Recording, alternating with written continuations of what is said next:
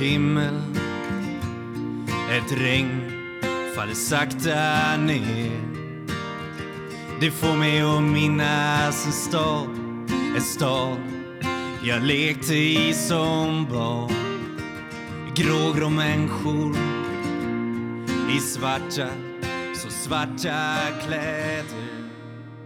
Men jag min sorglösa dag Ett vackert minne.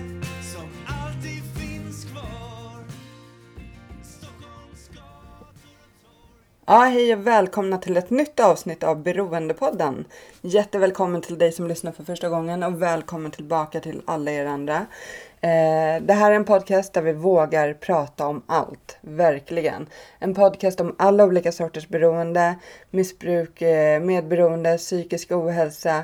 Eh, det är som sagt inte bara en podd om beroende utan eh, allt. Vi har ehm, eh, haft avsnitt om OCD, våld i nära relationer, eh, utmattningsdepression. I dagens avsnitt kommer vi prata bulimi.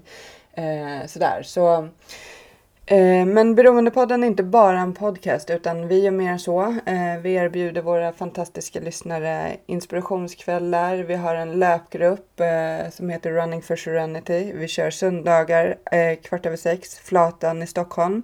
Och så har vi även dragit igång en grupp i Södertälje och flera grupper kommer att bli. Ehm, gå in på hemsidan så hittar ni all info om löpgruppen. Man behöver inte vara löpare för att vara med. Vi är, har även en gå-grupp och gå och jogga så det funkar verkligen för alla. Vi finns på Facebook och Instagram också. Både Beroendepodden finns ju överallt men även den här löpgruppen. Och eh, vi erbjuder till hösten sorgbearbetningskurs och mycket annat. Så eh, dock är sorgbearbetningskursen begränsat antal. Eh, men eh, ni får jättegärna gå in på hemsidan. På hemsidan så hittar ni även en eh, flik som heter Hjälp att få. Eh, på den sidan så finns det olika länkar till olika ställen som man kan vända sig till om man själv känner att man behöver stöd och hjälp. Eh, så känner du att du behöver det eller du vet någon annan som behöver det så har du lite ställen på den sidan som du kan vända dig till. Man hittar min mailadress på hemsidan också om man vill komma i kontakt med mig. Bästa sättet är att mejla mig. Ehm, och jag svarar så fort jag kan och jag svarar på alla mejl. Får du inte svar efter ett tag så har ditt mejl kommit bort och får du jättegärna skicka igen. Ehm, det står också hur man kan stötta podden. Ett sätt att stötta podden är att eh, använda anmäla sig till Flatenloppet som är den 14 september. Det är ett löplopp i Flaten eh, i Stockholm. Eh, den sträckan är 5,8 kilometer. Man kan gå, jogga eller springa. Eh, vi har haft Arne med oss. Sist, sista året han var med så var han 95 år. Han gick med sin rullator. Eh, och eh, det går även att komma med barnvagn. Eh, jag har fått frågan förut. Det har varit folk som har gått med barnvagn. Det som är viktigt då det är att man kanske startar längst bak så att de som vill springa kan springa eh, först. Då. Men, eh, och sen nytt för i år är även att vi kommer att ha ett barnlopp på 1,5 kilometer. Så har du barn som vill springa så kan eh, de också vara med. Supertrevligt. Ehm, ja, jag ska inte prata så mycket mer. Jag önskar er en bra dag eller kväll. Eh, eller när ni nu lyssnar på podden. Jag vet att många gillar att lyssna på podden på kvällarna för att de får ro. Eh, ja, men jag ska säga det innan jag släpper in dagens gäst. Jag har fått höra vid flera tillfällen, fyra, fem tillfällen kanske, att eh, av lyssnare som jag har sprungit på att eh, jag lyssnar på din podd och det får mig att somna på kvällen. Och det, jag, för det första blir jag jätteglad när ni säger att ni lyssnar på podden och när ni hör av er, alla era fina mejl och så här, men också när jag träffar er privat eller liksom ute på stan och så här. Det betyder jättemycket och, och för mig så eh, är ju det ett kvitto på att det jag och mina gäster gör är bra. Att jag kan få någon som har väldigt mycket ångest att kanske få lite mindre ångest för stunden. Så eh, jag hoppas att många som lyssnar på podden eh, känner att den ger något och att ni sover lite bättre. Eh, sådär. Så ja, tack så jättemycket för att ni kommer fram och pratar med mig när jag träffar er på stan. Eh, verkligen. Nu ska jag inte prata mer utan släppa in dagens fantastiska kvinna. Och eh, så. Ba ba da da, ba ba da da da da da da da ba ba da Ja, hej och välkommen till Beroendepodden Kristina Winter.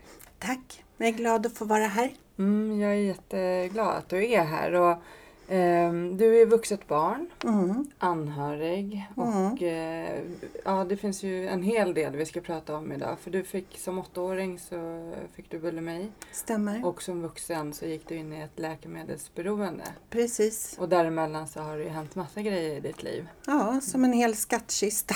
Ja, och, och det är det du ska få berätta om idag i dagens avsnitt. Vi kan börja med att eh, du är 51 år gammal, Yes. har två barn. Yes, två söner, 22 och 13 snart. Mm.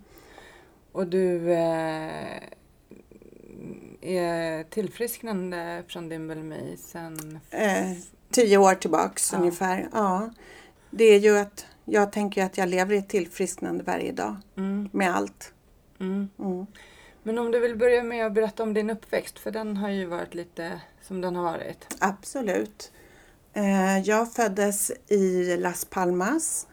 Eh, mina föräldrar träffades där eh, när, när Gran Canaria började blomma sent 60-tal. Ehm, och de hade, mina föräldrar hade restaurang, bar, möbelimport, ja allt möjligt. Eh, vi bodde uppe i bergen. Ehm, min älskade pappa som inte finns kvar, han dog när jag var ung. Ehm, ja, älskade pappa. Han var typ Raskenstam. Jag vet inte om alla vet vad det betyder. Det betyder att han såg något vackert i varenda kvinna och hade de pengar så var det ännu mycket bättre. Han var alkoholist, han var sex och relationsmissbrukare. Eh, Min mor som lever idag, som jag inte har kontakt med, eh, tog väl väldigt illa vid sig. Eh, Hon trodde att hon var fru nummer två, hon var fru nummer sex. Eh, Pappa var otrogen medan jag låg i hennes mage. Och ehm, hon, som jag upplever det, har aldrig kunnat acceptera eller älska mig. Dels för att jag är pappas barn och dels för att jag är lik pappa till utseendet. Ehm, och jag har länge, eller i många år, undrat hur jag kunde bli så pass bra, eller vad man ska säga, som jag blev. Ehm, och det fick jag reda på eh, i 40-årsåldern, för då fick jag ett brev av den barnflickan som tog hand om mig mina sju första månader, som jag fick sova bredvid och som pussade och gosade på mig. För att någonstans förstod jag att hade inte jag fått det här så hade jag, ja, jag hade nog inte levt idag. Jag tror. För du, när, när du föddes så eh, fick din mamma troligen en Mm. förlossningsdepression. Ja, depression, psykos, psykos. någonting. Så du, eh, du fick eh, sova med din barnflicka Mm, jag var med henne dygnet runt. Mm. Ehm, tills hon blev tvungen att åka hem. Och på den tiden så fanns det ju inte telefoner och inte uppe i bergen och så. Då visade det sig att hennes eh, familj hade skickat ett vykort och bett henne komma hem för att hennes bror hade cancer. Men det vykortet slängde min mamma. Och det kom ett nytt brev och då hade han dött. För hon ville ju inte ta hand om mig, hon ville ju ha kvar min barnflicka. Så det, det vittnar väl lite om vidden av empatilöshet som min mamma hade. Och den här barnflickan, jag träffade ju henne som sagt och hon sa att hon har alltid undrat så vad det blev av mig. Hon fick tyvärr aldrig några egna barn. Men eh, ja, hon, hon räddade ju mig liksom, som jag upplever det. Men eh, ni, ni flyttade till Sverige? Mm. Vi flyttade till Sverige typ när jag var eh, fyra, fem. Eh, Min morfar köpte ett hotell till pappa uppe i, i Söråker. Ehm, Och mamma och jag följde med. Jag har inte så mycket minnen av det här. Dock så vet jag ju att pappa också är väl eh, urfadern till ADHD. Han hade redan då en tanke om barnpassning under smörgåsbord. Så att föräldrarna kunde äta och dricka och så fanns det barnflicka som passade barnen. Eh, det var bara det att pappa fick aldrig något alkoholtillstånd på sitt hotell. Så det brann ner en natt. Eh, och då var det någon som han inte visste vad som hette som hade gästarbetat där och eh, slängt en fimp i soporna. Så då kom vi därifrån. Eh, sen köpte morfar radhus eh, i Sollentuna. Där bodde jag första halvan av eh, termin ett, för då kom Kronofogden igen. Eh, andra halvan bodde jag på ett familjehotell med mamma och pappa. Eh, sen i årskurs två eh, så fick mamma en lägenhet i Solna. Så där eh, växte jag upp kan man säga och pappa försvann. Eh, jag tänker att min mamma hon, hon har ju en enorm brist på förmåga. Eh, och jag har varit jättearg på henne i många, många år. Men eh, jag förstår ju idag eh, att hon, hon hade verkligen inget annat sätt att göra på och hon är en produkt av sitt. Eh, sen så när, när vi eh, blev ensamma där i Solna så tyckte mamma att jag var knubbig. jag var väl inte knubbig då, jag var inget knubbigt barn. Men i hennes, i hennes värld så är smal det är lika med lyckad. Och jag var ensam väldigt mycket. Jag eh, längtade efter pappa. Jag fick inte ha kontakt med honom. Ehm, och han var lite överallt i Europa. Ibland satt han ju häktad och ibland inte. Man visste inte riktigt. Eh, så mamma började ju liksom sina egna, eh, ja, jag vet inte, terror kan jag känna idag. Eh, hon tvingade mig att äta en hel vecka eh, harikuvert på burk. Eh, om jag skulle ha O'boy så fick jag ta det med vatten. Eh, hon sa att jag var äcklig att ta i. När jag var tio sa hon åt mig att jag skulle börja sminka mig för då såg jag ut, slapp man se ut som en ojäst kanelbulle. Eh, så det präglade ju mig hårt. Också eh, med godis och sånt här. Ehm, då hade VHS-bandspelarna kommit så man tittade på film. Eh, och mamma hade lyckats köpa en sån hem till oss. Så jag hade alla mina klasskompisar hemma hos mig och alla hade med sig godis och chips. Och, och jag bara tänkte så här, hur ska jag kunna lura mamma att jag inte har ätit det här? Eh, jag satt där med hjärtklappning medan alla tyckte åh det var så mysigt och det var så kul och så. Men jag gick in på toaletten och bara tänkte vad fan ska jag göra? Och så bara tittade jag på toaletten och så tänkte jag så här, nej men det är klart jag ska spy upp det. Jag har fått smaka hur det smakar i munnen och så ligger det inte kvar i min mage. Så där kom jag på det. Så du började i, i den åldern att Mm. kräkas för att inte gå upp i vikt? Mm. Jag var ju också liksom... Eh, alltså jag tror, jag tänker barn, eh, vi har alla de här hålen i våra kroppar som ska fyllas med kärlek, med trygghet, med eh, bus, eh, ja men allt det här liksom. Mamma hade inte förmåga till det. Eh, så jag kunde ju gå hem till andra kompisar och få äta hos dem liksom. Ehm, och det var väl någon gång sådär att hon kom på mig att jag hade gjort det. Och då skulle hon straffa mig ännu mer liksom. Ehm, det är ju svårt att förstå idag hur man kan tänka så men hon, eh, hon gjorde på det viset. Och ehm, när jag blev 12 så eh, tog hon med mig till en amerikansk bantningsläkare inne på Regeringsgatan eh, och ville att han skulle skriva ut de här eh, amfetaminbantningstabletterna som hon hade tagit i Las Palmas. Och jag vet inte om han såg rädslan i mina ögon eller om han bara förstod att det här var tokigt. Men han räddade mig och sa att vi väntar tills Kristina får sin mens. Sen blev han eh, eh, gripen av polisen för han hade ju skrivit ut massor med mediciner och så. Eh, men jag... Eh, ja men då var jag ju redan i det här med att hetsäta, försöka svälta mig. Eh, för det var ju det jag ville.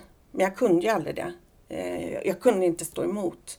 Utan då, då hetsåt jag och kräktes istället. Ehm, ja, skolan, skolan märkte att jag inte mådde bra. Ehm, jag försökte vara klassens clown, alltid kul och glad och det skulle också vara väldigt fint hemma hos oss. Märkeskläder, pärlor, hängen, du vet så. Ehm, men, eh, och, och de ringde hem till mamma, det här har jag fått berättat i efterhand. Ehm, och då hade mamma bara svarat eh, det finns inga problem med vår familj, det är Kristina som är problemet. Och sen la hon på liksom. Alltså det gör så ont att lyssna på din historia. Mm. Alltså det är inga barn, barn ska inte behöva Nej. växa upp så. Nej. Eh, Jag, jag hade en klasskompis som växte upp så. Jag minns det. Det började ploppa upp massa minnen. Men ehm, hade du någon trygghet? Hade du någon vuxen som du kunde Ja, mormor, mormor hade jag ju. Eh, och, och, men mormor då i sin tur eh, var morfinist. För att hon blev opererad under andra världskriget när man tog bort en lunga. Och läkarna visste inte riktigt hur det här skulle gå så de pumpade henne full med morfin. Så att hon lämnade ju min mamma när hon var liten. Alltså det finns ju ringar på vattnet här. Men med mormor så, så ibland eh, det beror på vem som han ringa mormor först. Jag eller mamma. Eh, och när jag var lite äldre då sa mormor till mig, Kristina, jag vet att din mamma är sjuk. Men jag behöver henne. Och det är väl det närmaste. Sen, sen har jag ju haft liksom kompisars föräldrar. Eh, men på den tiden man pratade inte om det här. På, på, upplever jag. Och jag, jag har fått respons av många av mina gamla klasskompisar och skolkompisar. Och de säger idag så här, Kristina vi hade ingen aning att det var så här. Nej, nej och det, och det är ingens fel. Eh, jag försöker, även om jag har lite tårar nu känner jag, men att, att allt det här som jag har varit med om, det är ju den jag är idag. Och nu har jag ju gått igenom mina trauman. Jag går i terapi, jag går i, i medberoendegrupp och jag, jag kan hjälpa andra och, och också försöka bryta det här så här himla tidigt liksom. Men när du växte upp så här, trodde du att det var, alltså förstod du att det var dysfunktionellt? Förstod du att så här är det inte i andra hem? eller? Alltså, ja, det som hände också med mamma, och det här är också så här en, en twist, att mamma blev snäll när hon drack alkohol. Så jag började varje dag duka i hallen, hade vi en liten byrå. Alltså idag ser jag att det är en tolva whisky jag har hällt upp åt henne och jordnötter på en fin servett. För om mamma drack, då blev hon snäll. Så jag ville ju inget hellre än att hon skulle dricka varenda dag. Eh, och jag har minnen av att hon i perioder har druckit för mycket. Jag har något minne av, eh, men då, då var jag kanske 11-12, att hon har hällt ut några tabletter i toaletten och sagt att nu ska inte jag ta de här något mer. Men, eh, men eh, hon, hon kan ju inte idag på något sätt. Hon, hon säger ju att allt är mitt fel. Jag får skylla mig själv liksom. Eh, Så att jag tänkte väl att det var kanske konstigt att min mamma blev snäll när hon drack. Och andra kanske, alltså... Nej, nej jag tror nog att det här var så som det skulle vara. Eh, Men eh, din, din far försvann ju ur bilden. Ni hade ingen kontakt alls? eller? Alltså, han kunde ringa eh, eh, när han hade pengar. Och han, jag var och hälsade på honom i Frankfurt am Main, jag var nere i Malaga, jag var i Genève. Eh, men men eh, alltså han... Jag kände ju, och jag känner än idag, att det, den kärleken jag har i mig, det är från pappa. Men jag, jag var 21 år när han gick bort. Ehm, Ehm, och just eh, den natten också, då, då var mamma med på sjukhuset. Eh, och vi står i den där slussen och, och pappa har precis dött. Och då tittar hon på mig och säger, jag vet att du önskar att det var jag som skulle ha dött istället. Och jag svarade inte då. För ja, en del av mig kände ju så. Eh, men, men eh, ja.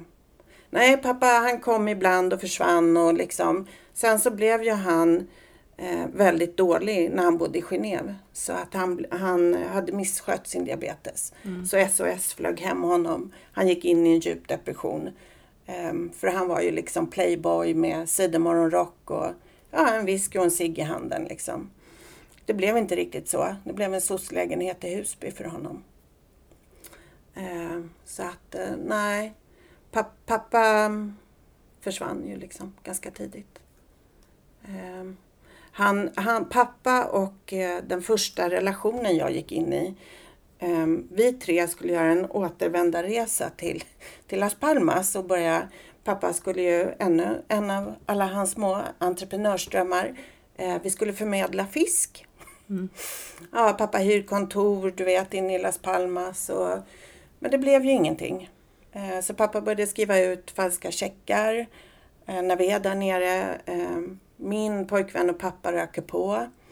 Eh, pappa satt i rullstol då eh, med ett amputerat ben. Men det var ju så dyssigt så att det var där och då. Alltså det, det, min uppväxt alltså. Jag, jag kände nog att det var fel. Ehm, jag ville vara tuff och cool. Eh, men jag var ju livrädd för mamma hur hon skulle liksom ehm, hur hon skulle reagera. Hon, hon har ju alltså, misshandlat mig både, både psykiskt och fysiskt. Jag vet en gång de här små flårkopparna du vet som man får i skolan. Fick mm. vi i alla fall när man skulle komma flårtanten. Mm. Jag hade sparat dem och skulle göra små ljus.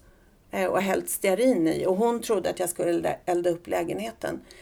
Ehm, så hon jagade mig runt i vår, det var en ganska stor femrumsvåning, men in under jackorna så ska hon strypa mig. Det är sådana saker som sitter kvar liksom. Jag vet att jag någon gång satt på balkongräcket, då bodde vi på nionde våningen. Men jag vågade liksom inte riktigt dö då. Ehm, för att jag visste ju liksom att jag i, i det hon programmerade mig i är att en fet människa är ingen människa. Jag var liksom inte värd någonting. Och då um, det var jättejobbigt hemma. Um, jag ville flytta hemifrån. Hon skickade mig på uh, ett år i high school i USA för att jag skulle se bra ut. Uh, jag kommer hem uh, och jag rusar rakt ut på krogen i armarna då på min första relation som var eh, missbrukare. Mm. Eh, och det var han och jag och pappa som då gjorde en sväng i Las Palmas. Eh, men jag skulle ändra ju honom, min, min pojkvän. Jag gick eh, till, och klippte honom så han skulle vara snygg i håret. Han fick alla mina märkeskläder. Jag bar hans haschkakor i min Dior-väska. Alltså katastrof. Och han, han hade verkligen, han hade, jag frågade inte ens om honom om han ville tillfriskna. Jag bara, det var mitt projekt. Mm. Um, och han kunde inte sluta liksom. Uh, och um, han eh, blir ju så frustrerad av mig när jag går på liksom. Så att han börjar slå mig. Och han slår mig främst i tinningarna för att jag inte ska vara smartare än honom. Eh, det var hans, hans vapen liksom. Ehm, och han slår av mig näsbenet när vi är på Rhodos och han det som fick det hela att sluta var att han klättrade upp i min lägenhet eh, via en stup, stupränna och misshandlade mig medvetslös. Eh, då fick han åka in i fängelse för det. Och då skrev han fortfarande kärleksbrev till mig. Två jättetrasiga människor eh, som trodde att det var han och jag liksom. Men det var det ju inte. Eh, och i, i den vevan där när jag bor i den här lägenheten så är ju min, min bulimi bara tokrasar. Jag svälter och jag kräks. Um, och jag, um, när vi ska gå ut på krogen och så, då kommer jag ju på att alkohol är massa kalorier i. Så då tänker jag att det är bättre om jag röker lite weed. Uh, det är bara att det var lite svårt att hitta det liksom. Mm. På något sätt gjorde jag ju det i perioder. Um, helt knäppt alltså hur, hur man blir. Um, och um, jag, då, då bodde jag ju själv och då tänkte jag så här, i den här lägenheten ska jag aldrig knarka. Uh, och jag ska aldrig kräkas och jag ska inte ha några killar här. Och då efter jag hade kommit hem från USA så hade jag ju gått upp i vikt såklart. Uh, det är en lite annan matkultur mm. där. Och ingen som, som jagade mig liksom med mat, att jag inte fick äta. Eh, så då, jag, jag sökte ju så mycket bekräftelse, så mycket kärlek i, i killar och de ville väl liksom mest ligga. Jag ville bara att de skulle hålla om mig, att jag skulle få vakna med dem på morgonen efter. Eh, och det, det var aldrig liksom Det vill jag säga. Det är ju aldrig något som har varit mot min vilja. Men jag klev liksom ur min kropp där och då. Eh, vi hade sex och hit och dit. Och min känsla var väl att jag, då var jag liksom... Eh, det var ingen som ville vara ihop med mig för att då var jag överviktig. Liksom. Eh, och då tänkte jag att om jag lever ovanför min haka och uppåt för att jag är rätt söt i ansiktet, då kanske jag, då kanske jag träffar någon. Eh, och eh, ja, otroligt destruktivt idag kan jag ju säga det. Eh, och jag har ju för mig själv också gjort gottgörelse med några av de här killarna som faktiskt också var vanliga, gulliga killar som ville vara med mig. Men då valde jag bort dem för att vara med knarkkillar istället. Liksom. Ehm, jättesorgligt. Mm. Mm. Men du, du får äh, träffa sen pappan som du får ditt första barn mm. Och Då gör jag en sån där härlig, först gör jag en geografisk flytt från Solna in till innerstan. Samma sak där, jag ska aldrig kräkas i den här lägenheten. Det gick jättefort. Och det här med, med, med ätstörning och bulimi, alltså det är så hetsätning. Alltså det är så sjukt för att jag, jag gick i, i, liksom på ICA och låtsades handla till ett barnkalas. Mm. Och ljög för kassörskan liksom. Att nu ska jag hem och du vet så här. Och vad gjorde jag? Jag, jag gick hem och åt och jag grät liksom. Och spydde.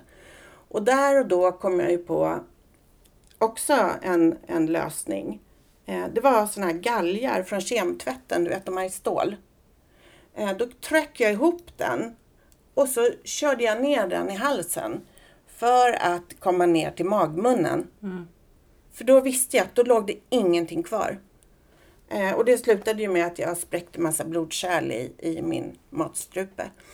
Och blev inlagd då, tvångsinlagd. Um, och det här är ju många år sedan, men på Röda Korsets överviktsenhet hamnade jag då. Så då skulle jag börja räkna kalorier och det som jag redan var bäst på liksom med, med överviktiga hemmafruar. Och psykologen där, hon, eh, jag kommer ihåg att jag kände att hon är fan rädd för mig. Hon fattar ingenting av vad jag pratar om liksom. Eh, men eh, då bestämde jag mig för att då lämnar jag Stockholm och flyttar upp till Värmland med en väninna, eller hon flyttade först och hon startade restaurang och tanken är att jag ska komma dit och jobba åt och att henne med henne. Vi skulle göra en nystart. Ehm, och där träffade jag då pappan till min äldsta son. Um, och jag var ganska eh, svältfödd, lite alltså dåliga Alltså jag har ju dåliga, vad ska man säga, riktmärken för hur en bra man ska vara. För det kan ju inte vara en tönt. Det kan ju mm. inte vara någon som har strumpor i sandalerna. Liksom. Det går inte. Nej. Eh, utan det ska vara någon som är farlig. Och då träffar jag den här mannen som är så långt ifrån farlig. Eh, han är typ huvudet kortare än mig. Eh, men han är snäll. Och jag bara fattar inte riktigt liksom, vad, vad är det här? Och han var ju inte bara snäll utan han var ju också eh, måltipsvinnaren som hade vunnit 9,4 miljoner. Och jag kom från Stockholm, blir presenterad av honom för hans kompisar. Eh, men i den här lilla byhålan så var det inte helt enkelt. Eh, för att då var jag ju golddigger, jag var ute efter honom, jag ville åt hans pengar hit och dit. Ehm, men, men vi inledde en relation ehm, och ehm, jag kände väl så här, det är något som inte stämmer. Eh, och han festade väldigt hårt och, och hade ju varit ungkar så du vet att det kunde ju drösa in så här åtta grabbar fyra på morgonen och jag skulle ju leva liksom fint liv nu med virkade dukar på bordet och du vet så här.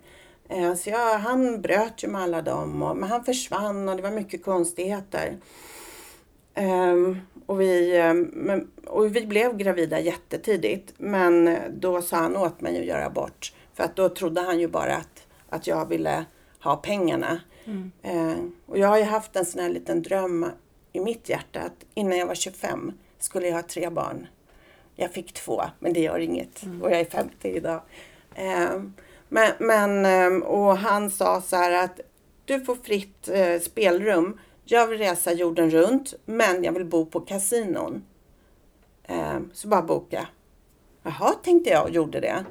Eh, och vi har varit ute på fantastiska resor men eh, han har ju spelat precis hela tiden. Och jag, ja, jag fattade väl liksom inte riktigt. Var han otrogen? Var det mig det var fel på? Ska jag banta? Ska jag, ska jag liksom eh, äta? Vad ska jag göra? Jag visste inte. Eh, och sen så blir jag gravid med min äldsta son och eh, jag märker att mannen, pappan, alltså han blir mer och mer frånvarande och liksom, jag tänker att när jag tvättar så är det för jävla bollar med papper som kommer ut ur, ur hans mysbrallor. Det var ju alltså spelbångar. Mm. Jag hade ju ingen aning, alltså jag fattade ju inte förrän i efterhand. Um, och sen en dag så, så um, ringer han mig och säger att uh, jag har tagit bilen till Norge. Jag kommer att köra ihjäl mig idag. Vi har inga pengar kvar. Och det var ju aldrig mina pengar, det var hans pengar. Uh, vi skyllde pengar över hela byn. Bilar. Uh, huset var inte alls på så betalt som jag trodde. Um, och jag liksom skulle ju rädda honom också då. Så då, då talar jag ju hem honom i telefonen och bara känner så här, vad fan är det som händer nu? Och då visade det sig att juggmaffian då som hade styrt eh, spelet eh, från Göteborg uppåt, han var skyldig dem pengar. Eh, och jag var som sagt höggravid.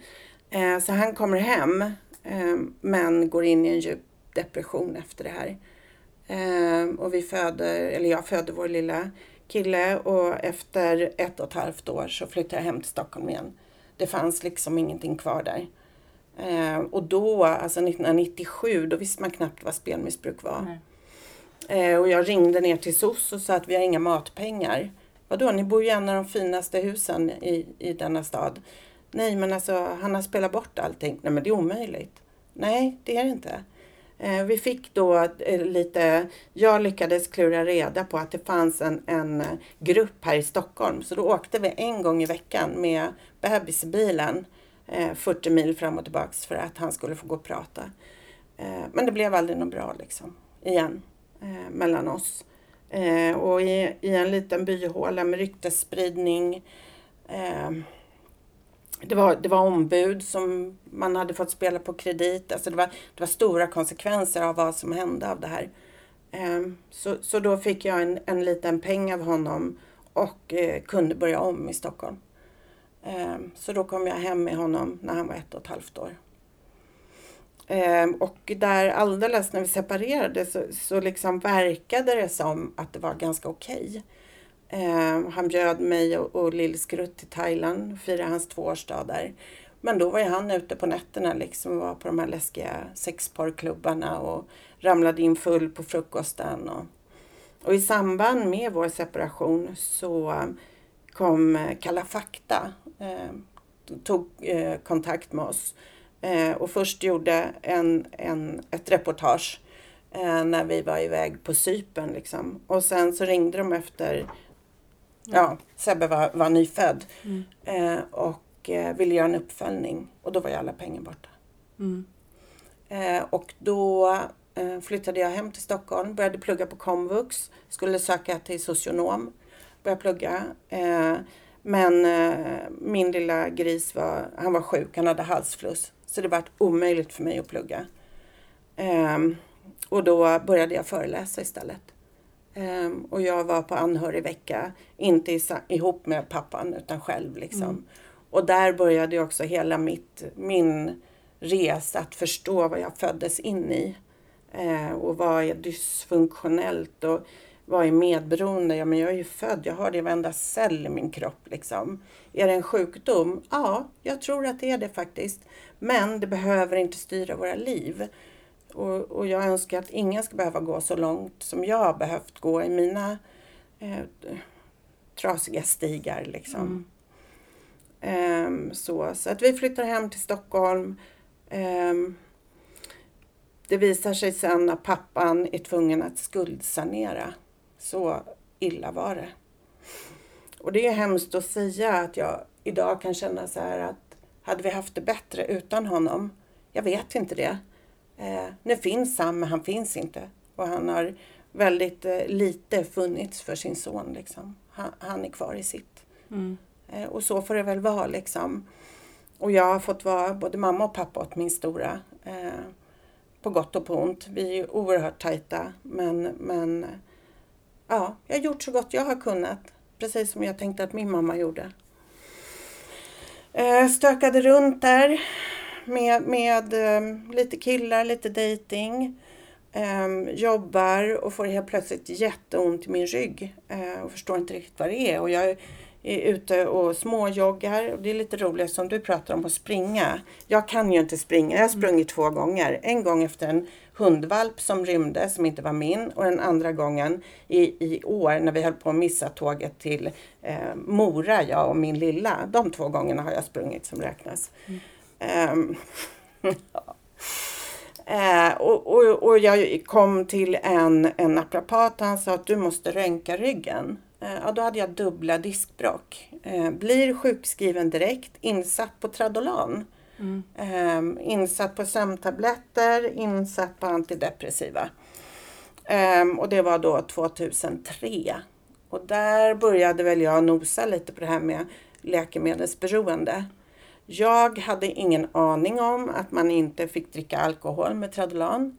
Ehm, så jag inledde en ny relation med en, en man som sedan blir pappa till nummer två. Ehm, som festar ganska mycket men som, som uppvaktar mig otroligt mycket och jag blir alldeles, åh gud, det är någon som vill ha mig. Um, och jag, jag vill göra allt för oss liksom. Um, men eh, det var ju inte riktigt så. Han levde i, i sin bubbla av sina olika beroenden. Eh, men eh, ja, vi var tillsammans, vi gjorde slut, vi var tillsammans. Han var ute och festa. Jag var ute och letade efter honom. Eh, min eh, lilla, lilla familj närmast mig och mina vänner tog avstånd. Jag tog tillbaks honom. Eh, och så bestämde vi att vi skulle bli vi. Och han frågade då om jag går i behandling, stannar du hos mig då? Ja, sa jag. Men jag vet ju inte vem du är när du kommer ut liksom.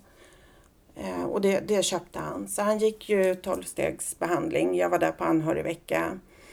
Eh, det var liksom som en, en film, röda mattan. Nu skulle vi, nu skulle vi bli liksom trygga.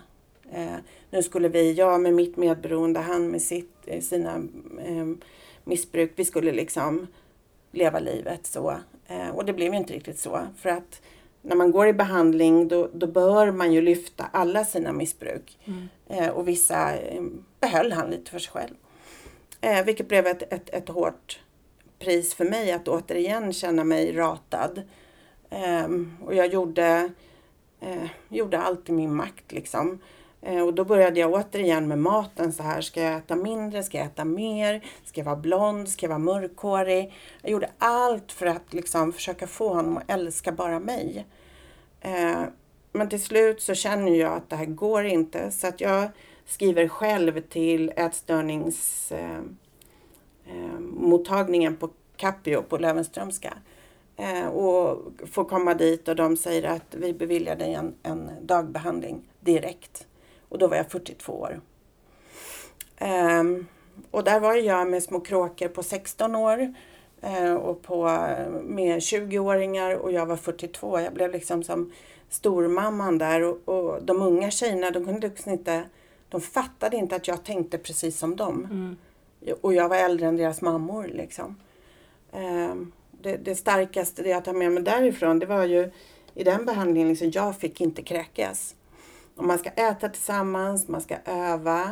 Och också när man pratar om ätstörningar, det enda sättet är att äta sig ur en ätstörning. Alltså jag var så provocerad av det.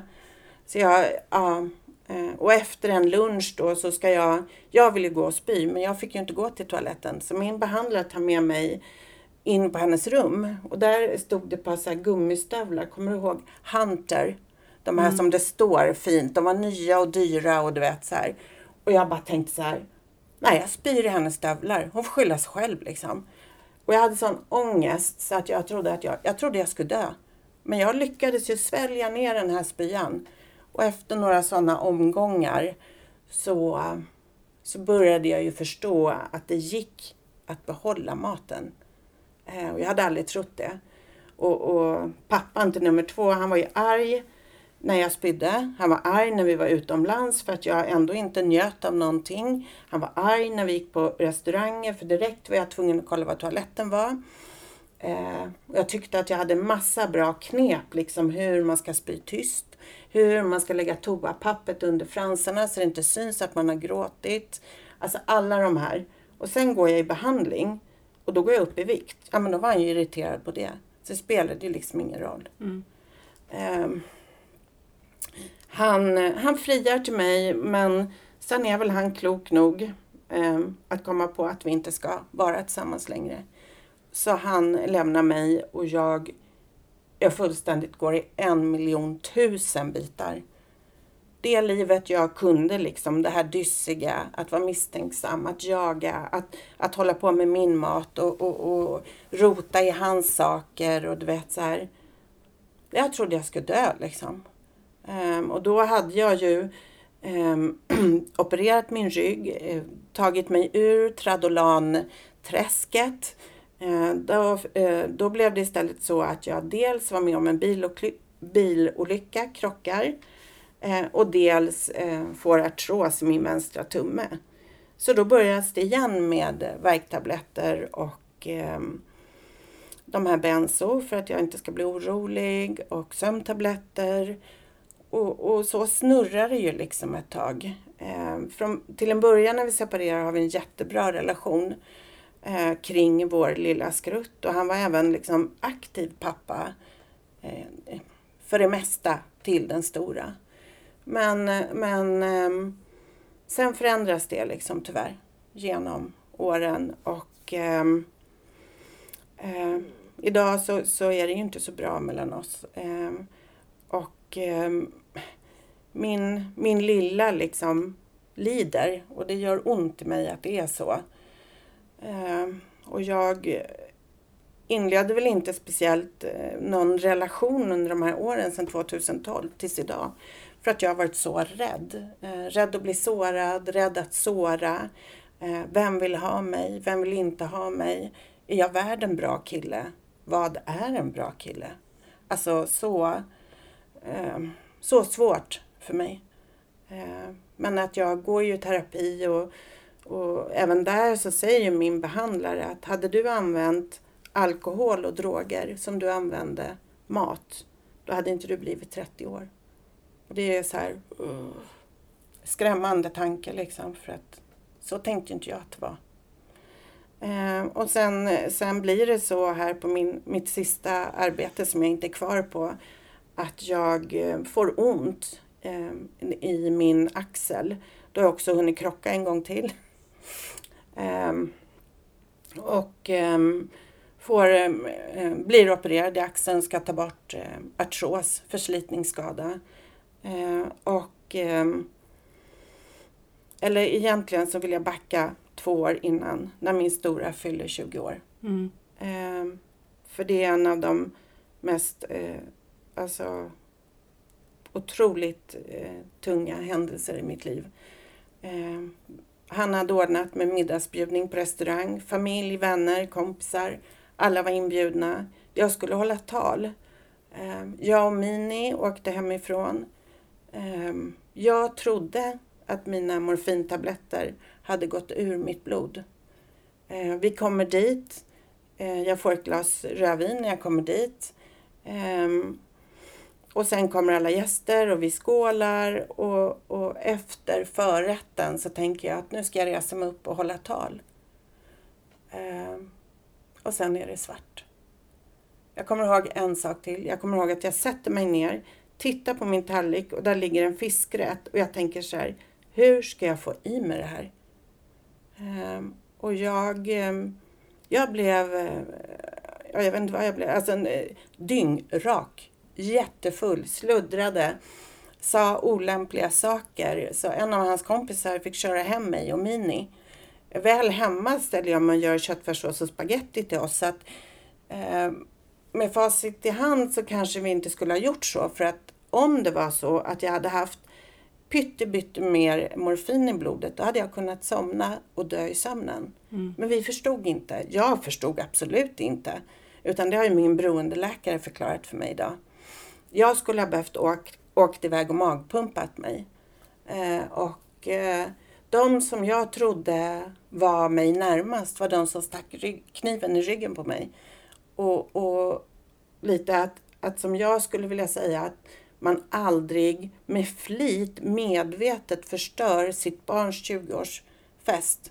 Eh, och jag hade köpt jättefin present till honom. Han är fotbollskille.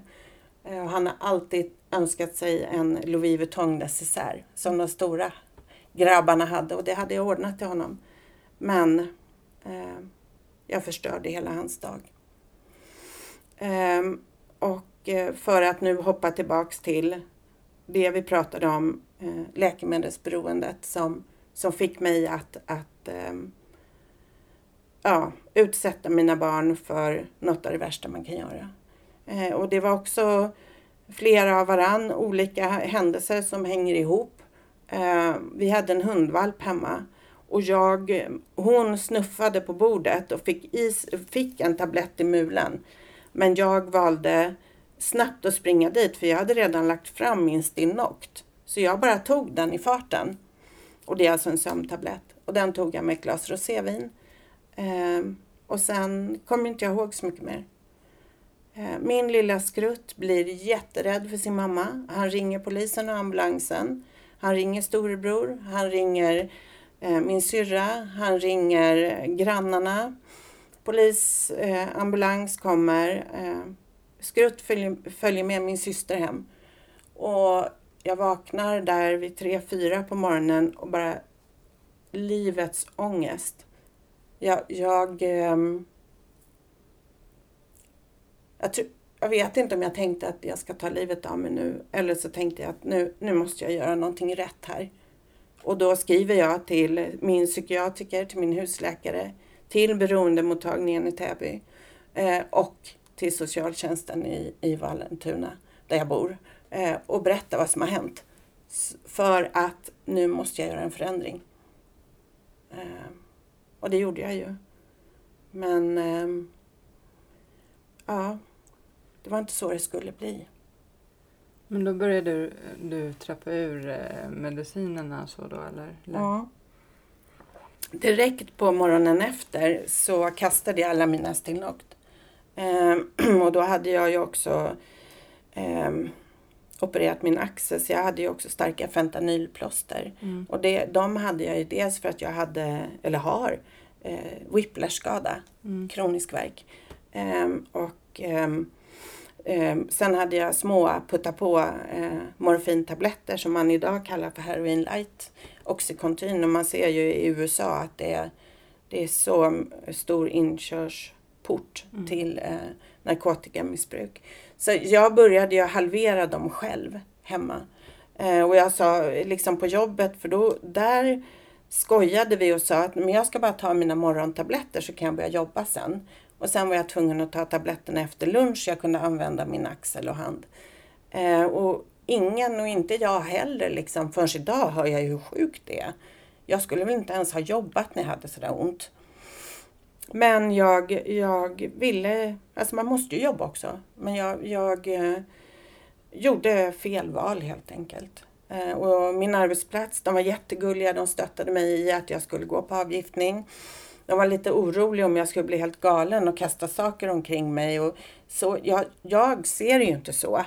Men det är ju så, man tänker sig en avgiftning säkert att man blir både galen och jättesjuk. Mm. Eh, och, och beroendeläkaren, första gången jag var hos honom, då skulle man lämna kissprov. Det kunde ju inte jag. Jag kunde ju inte kissa om någon skulle titta på mig. Jag har ju jobbat på utslussboende med unga killar med droger och kriminalitet. De skulle kissa för mig. Men jag kan ju inte kissa framför en behandlare. Mm. Så jag tror att han tänkte, ja, ja, lilla gumman. Det här blir nog inte som du tror. Men jag lyckades ju på halva tiden avgifta mig. Jag blev jättedålig när vi gick 10 milligram på plåstren. Ett hopp på 10 milligram. Och jag skrev till jobbet att jag har fått influensa. Ehm, och jag, jag mår skitdåligt, jag har ångest. Och, eh, och, och det var ju bara en regelrätt avgiftning. Det förstår jag nu. Men då, jag fattade inte. Jag hade ont i kroppen, det kröp i, i armar och ben. ehm, svettades, lös i magen, kräktes. Nej men det är en regelrätt avgiftning. Som, som jag liksom inte fattade att det skulle drabba mig. Liksom. Mm. Eh, men jag lyckades ju till slut. Eh, och jag lyckades ju också då på något sätt hitta in i stommen i mig, i mitt hjärta, att, att nu är det nog. Eh, jag gick min utbildning till kognitiv livscoach eh, år 2012. Men jag var inte klar då liksom. Eh, och jag, eh, jag, jag... Klar blir man nog aldrig. Men jag är liksom färdig att starta nu. Mm.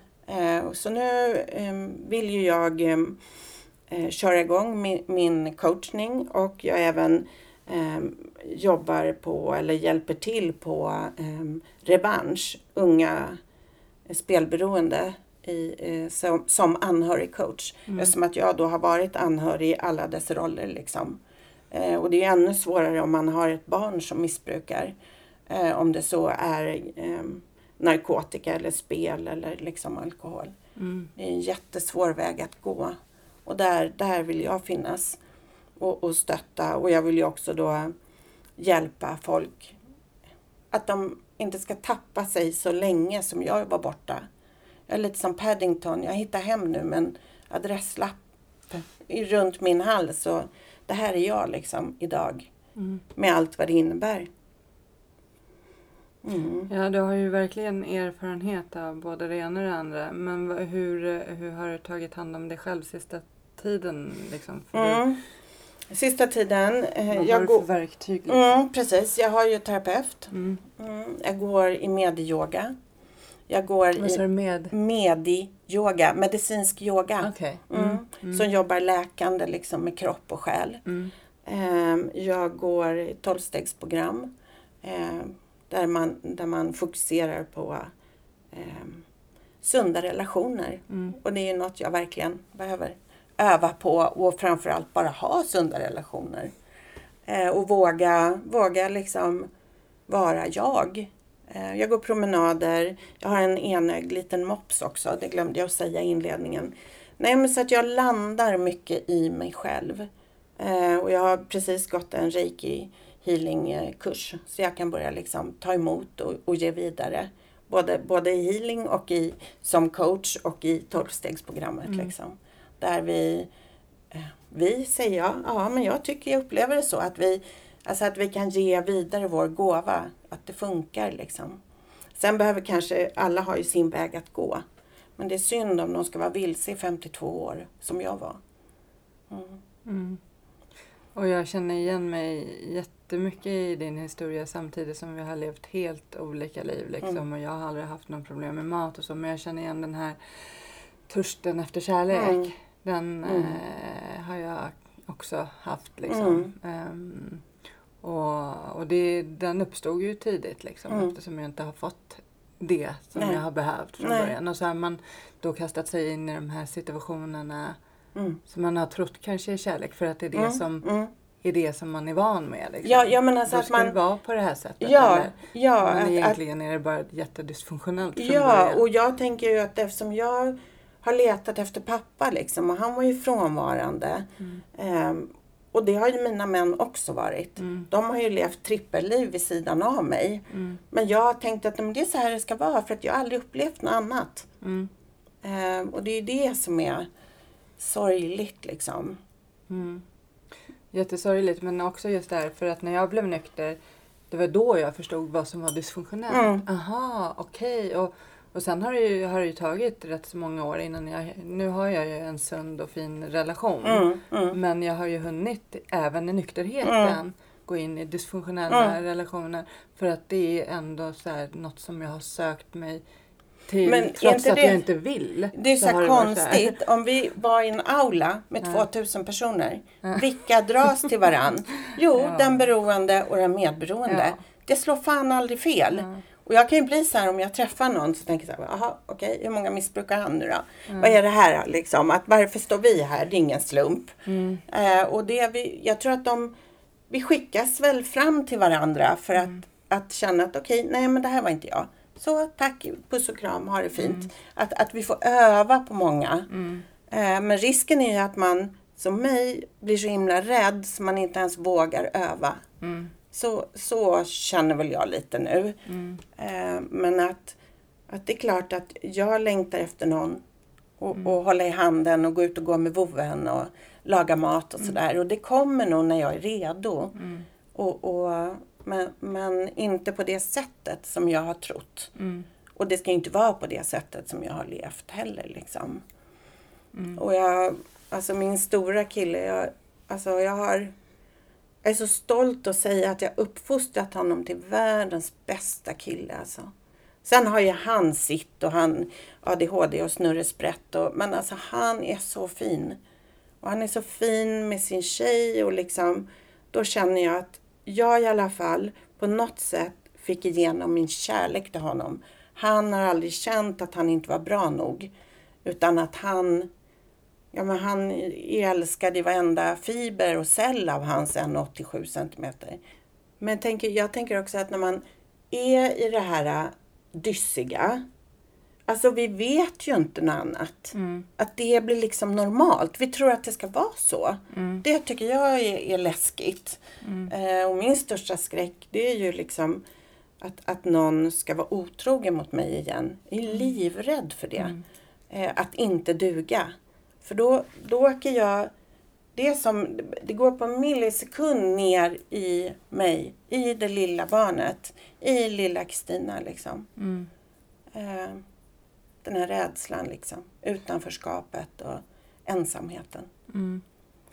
Jo, nej men exakt. Det var det. Det gick ju också så pass långt för mig i nykterheten att jag bara, nej men alltså det kommer aldrig hän- hända. Jag kommer aldrig träffa den där sunda relationen. Mm. Men, men det ska jag säga, ge inte upp. Inte ge, inte ge upp. inte ge upp någon. Nej. Men man måste ju som sagt lära sig vad, ja, varför, varför det är så, som det är. Liksom, Mm, och mm. försöka se tecknen i tid. Ja, Och- absolut. Ja, absolut. Och, och oftast så är det ju sen när det är den här riktiga passionen så har jag fått höra så här, ja men då kanske det är att det inte är ni att det två." är sjukt dyssigt. Ja. Det måste inte vara så. Nej, men det måste inte vara så. Men tre av tre fall i mitt liv har det varit så. Nej, men alltså, och sen är det väl att vi vågar lyssna på magkänslan. Och när man liksom då blir nykter och drogfri och läkemedelsavgiftad och allt det här. Ofta så vet man ju. Fast man vill inte se de där tecknen. Man vill liksom, nej men, nej men det var inte så, han menade inte så. Och liksom. Man luddar in det lite. Och det är ju så tokigt att man liksom, man, jag, har valt att stanna i relationer som har skadat mig för att jag inte vågade vara ensam. Den är också så himla sorglig liksom. Eh, Men din eh, bulimi och så, Mm. den är liksom du... nej, alltså jag, jag har ingen hunger idag. Nej. Mm. Jag har inte haft hunger på väldigt, väldigt länge och jag tror det ligger på cellnivå från min mamma att jag får inte vara hungrig. Ehm, jag, får, jag får göra liksom, ett, eh, inte ett schema, men att, att leva i tillfrisknande för mig, det är varje dag. Och varje dag handlar om att ta hand om min själ och min kropp. Och jag måste äta. Men det är svårt liksom. Och när jag inte har några ungar hemma, ja, men då tycker jag kaffe och finkrips, gud det räcker. Men, nej, det räcker inte liksom. Utan jag, där får jag, ö- jag får kämpa och öva lite på att äta varje dag. Det kommer inte spontant. Tyvärr. Eh, Men inget kräk och liksom, ja, jag, jag slås väl också av det här att eh, bikinisäsongen och hit och dit.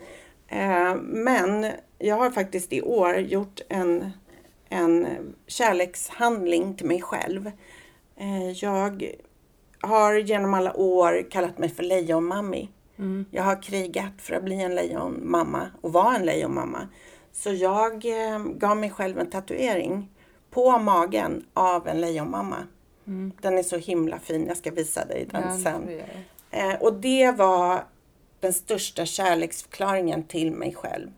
Ja, jag har bristningar och jag ärr och jag har celluliter och mjuk mage och hit och dit. Men jag, jag börjar bli hel liksom. Jag är okej med det nu. Eh, och ja, ibland kanske det är bra att göra en detox. Men när jag gör detox, då kör jag den i tre månader och det är ju inte bra. Så att där, jag måste vara lite försiktig. Mm. Liksom att tänka. För, för vi måste ju äta, så är det ju bara. Och, och jag tänker att äter man och får ångest, alltså då går man ju upp i vikt bara av det. Jag tror jättemycket på att kunna unna sig det man äter. Och så kanske man tar en lite längre promenad på kvällen. Mm. Om man nu ens har de tankarna liksom. Eh, Men, men eh, ja. Att, att varje dag göra kloka val. Hur är din relation med din mamma idag? Har ni någon? Eller, Nej, den, den är... eller det sa du kanske i början Ja, att ni lite. inte hade någon? Nej, nej, alltså hon, hon lever. Ja. Eh, och, eh, men, men vi har ingen relation nej. Att, att tala om direkt. Eh, hon är ganska gammal nu. Och eh, Mm. nej, jag har ingen relation med min mamma. Eh, barnen har väldigt sporadisk eh, kontakt med henne. Mm. Vi, vi inväntar fortfarande en julklapp och vi är i maj nu. Så att Mm. hon, hon lever i sin sanning, i sin bubbla. Ehm, hon mår ju inte bra. Hon har inte mått bra på många, många, många år. Liksom. Men hon har heller inte velat tillfriskna på något sätt. Och ni har aldrig liksom kunnat prata om det? Jag har ju försökt att vi ska gå i terapi tillsammans. Eh, och då sa hon, och då var väl jag kanske ja, 19. Då sa hon att jag vågar inte möta det som finns inom mig. Mm. Och då var det färdigt diskuterat liksom. Medan jag har gått i åtskilliga terapitimmar eh, för att, att, och det är nog det som också har räddat mig. Eh, sen så är, är, vi ju på olika platser i livet och det, vi möter olika terapeuter och, och vi gör, jobbar i steg och vi gör liksom allt tillsammans blir, blir ju som en härlig skattkista liksom. Mm. När man gör bra saker. Mm. Ja, jag är jätteglad att du eh, hörde av dig och ville vara med i podden. Verkligen. Eh, och jag önskar dig all lycka till i framtiden. Tack.